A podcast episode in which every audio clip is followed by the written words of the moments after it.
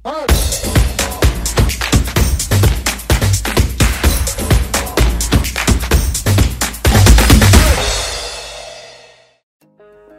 semuanya, selamat datang di Extra Time Podcast. Karena ini episode pertama, izinkan aku perkenalkan diri dan ngejelasin apa itu Extra Time Podcast. Di sini aku selaku podcaster perkenalkan namaku Joshua Ragil dan umurku 21 tahun. Jadi, apa sih Extra Time Podcast itu? Pasti kalian ada nih yang bertanya-tanya mengenai podcast ini. Tapi mungkin ada juga yang udah nebak-nebak nih tentang Extra Time Podcast. Jadi, Extra Time Podcast adalah podcast yang berisi konten seputar dunia olahraga, mulai dari sejarah, jenis-jenis olahraga, keunikan-keunikan olahraga, dan berita-berita terbaru mengenai dunia olahraga. Karena sebenarnya aku juga suka nih dengan yang namanya olahraga, aku pengen berbagi informasi dengan kalian semua. Jadi, Semoga pesan-pesan dan informasi yang aku berikan bakal menghibur dan menginformasi kalian semua. Bicara soal olahraga nih, pasti kawan supporter udah tahu mungkin ada beberapa olahraga yang ada di dunia seperti sepak bola, bola basket, tenis, badminton, volley, dan masih banyak lagi.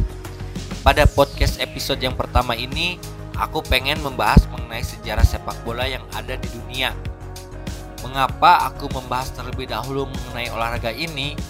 Sebab karena semua orang tahu nih bahwa sepak bola menjadi olahraga yang paling banyak digandungi oleh orang untuk saat ini.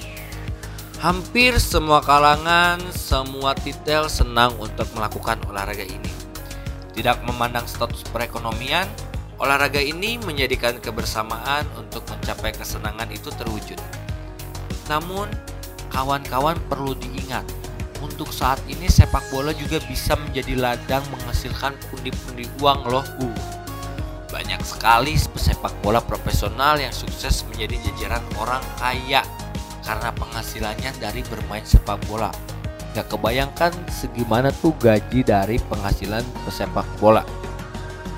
Tapi kawan-kawan tahu tidak bagaimana awal ditemukannya permainan sepak bola ini? Sejarah sepak bola kuno dimulai dari negara yang bernama Cina. Ush, negara kungfu tuh. Yang ada di filmnya tuh apa um, Solid Soccer. Lebih tepatnya saat itu sedang berada di masa dinasti Han, yaitu pada sekitar abad kedua atau abad ketiga sebelum penanggalan Masehi. Cukup lama juga ya ditemukannya sepak bola ini. Permainan sepak bola yang ada di zaman itu menggunakan bola kulit dan untuk memasukkan bolanya ke gawang pun sangatlah sulit karena gawangnya terbuat dari jaring yang kecil. Olahraga sepak bola ini dihadirkan oleh orang-orang pada masa itu agar para tentara Cina tetap terlatih fisiknya. Sekaligus sebagai hiburan ketika ada perayaan ulang tahun kaisar. Adapun permainan sepak bola yang ada pada masa itu disebut sebagai sucu. Sucu, lucu ya. Selain tenar di Cina, ternyata permainan sepak bola juga menjadi salah satu permainan favorit dari warga Jepang. Para samurai suka nih kayaknya bermain sepak bola. Di mana permainan tersebut dimainkan dengan cara menggiring bola yang terbuat dari kulit kijang dan disebut sebagai kemari. Kalau kemari mah di Indonesia bukan kulit kijang.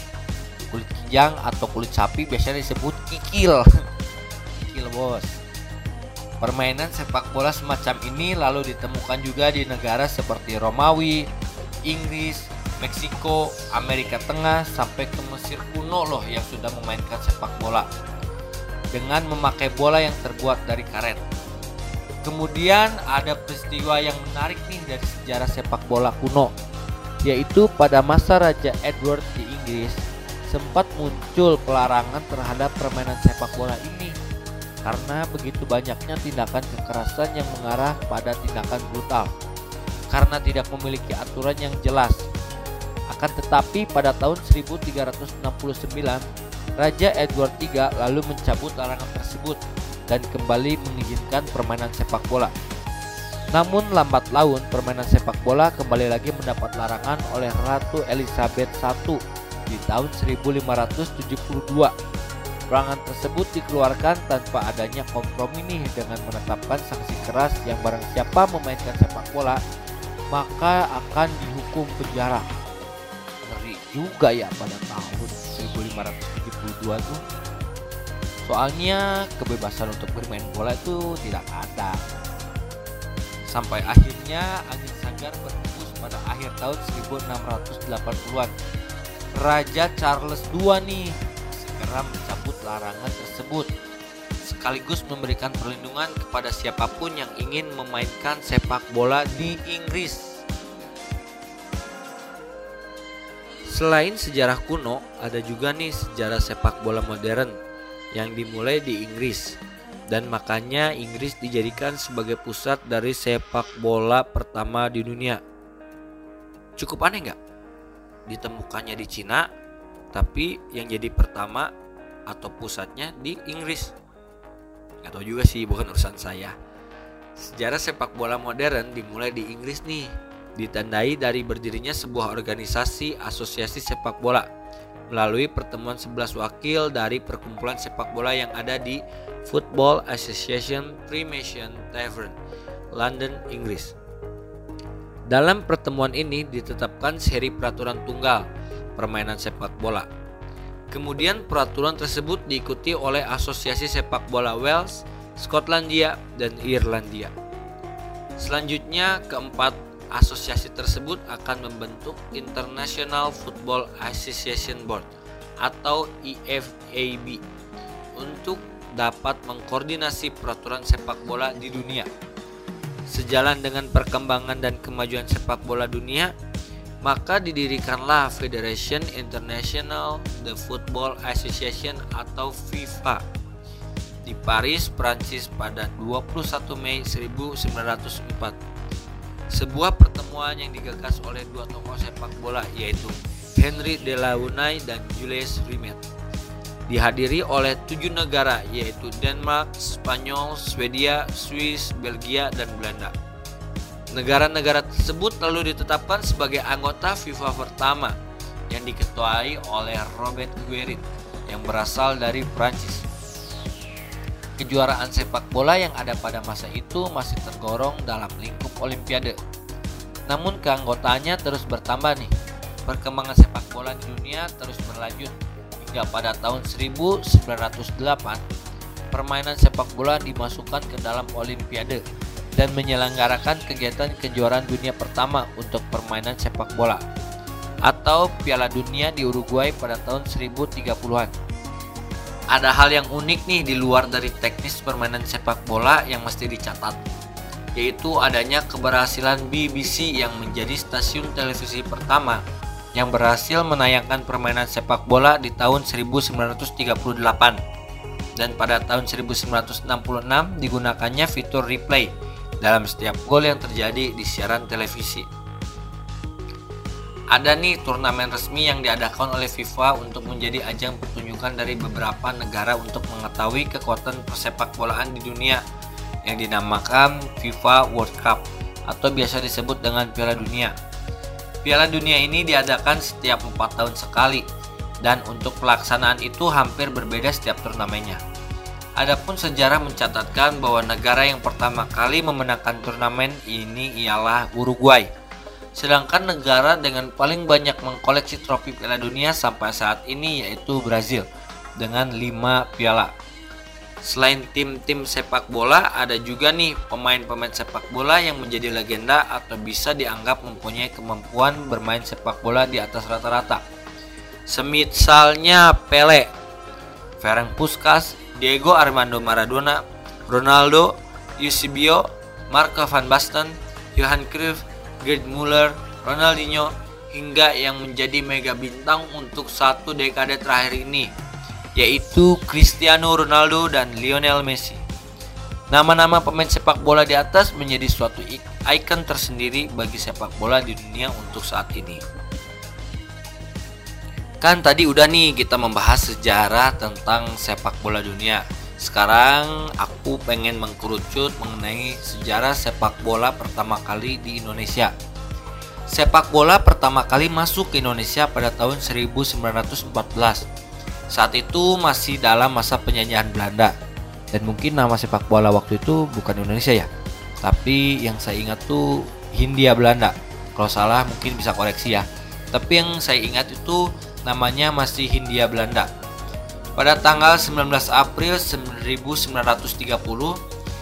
Persatuan Sepak Bola Indonesia atau PSSI mendirikan pusat pelatihan pertama di Yogyakarta, Indonesia.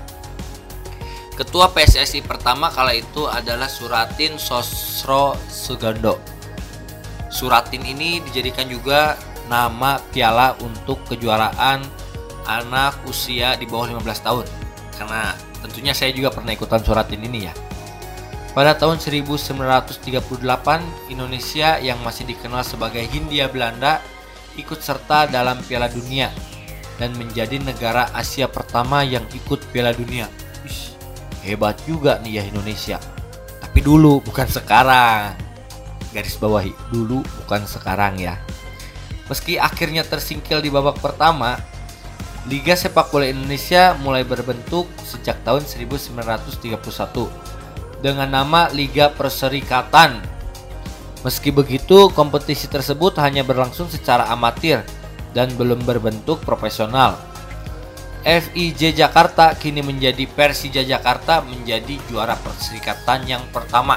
Ush, ngeri juga nih ya Persija Jakarta. Mulai tahun 1980 dibentuklah kompetisi Liga Sepak Bola Utama yang baru dikenal dengan nama Galatama yang berbentuk semi profesional. Baik Liga Perserikatan maupun Liga Galatama saling jalan sendiri-sendiri.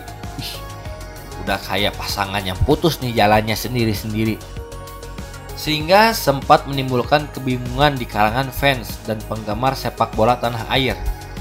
Barulah pada tahun 1994 dibentuklah Liga Sepak Bola Profesional Indonesia dengan menggabungkan kompetisi perserikatan dan galatama yang sudah ada di Liga Indonesia. Resmi digelar sejak tahun 1994 dan memunculkan tim Persib Bandung sebagai juara edisi yang pertama. Maung Bandung. Tim kesukaan saya tentunya, Persib Bandung. Selain tadi sebelumnya kita menjelaskan atau memaparkan pemain-pemain sepak bola legendaris yang ada di dunia, akan tetapi ada juga nih pesepak bola legendaris yang ada di Indonesia. Yaitu ada yang namanya Roni Pasla itu adalah kiper. Robi Darwis tentu saja legenda Persib Bandung. Rocky Putirai yaitu asal dari timur. Yang mempunyai ciri khas rambut berwarna-warni. Ada gelandang bertahan Roni Patinasarani. Dia orang yang sangat kuat. Dan tentu saja legenda yang tidak pernah terlupakan oleh waktu yaitu BP atau Bambang Pamungkas. Mereka semua adalah para pemain legendaris yang pernah menghiasi skuad tim nasional Indonesia cukup lama. Dan saat ini sudah gantung sepatu ya atau pensiun dari dunia sepak bola. Mungkin sekian yang bisa aku sampaikan pada podcast yang pertama ini. Terima kasih bagi kalian yang sudah bersedia mendengarkan dan meluangkan waktu kalian untuk Extra Time Podcast ini. Semoga informasi yang aku sampaikan bisa menginformasi kalian semua dan memotivasi kalian semua. Tetap semangat dan jangan berhenti untuk berolahraga. Karena sehat raga, maka jiwa pun ikut sehat.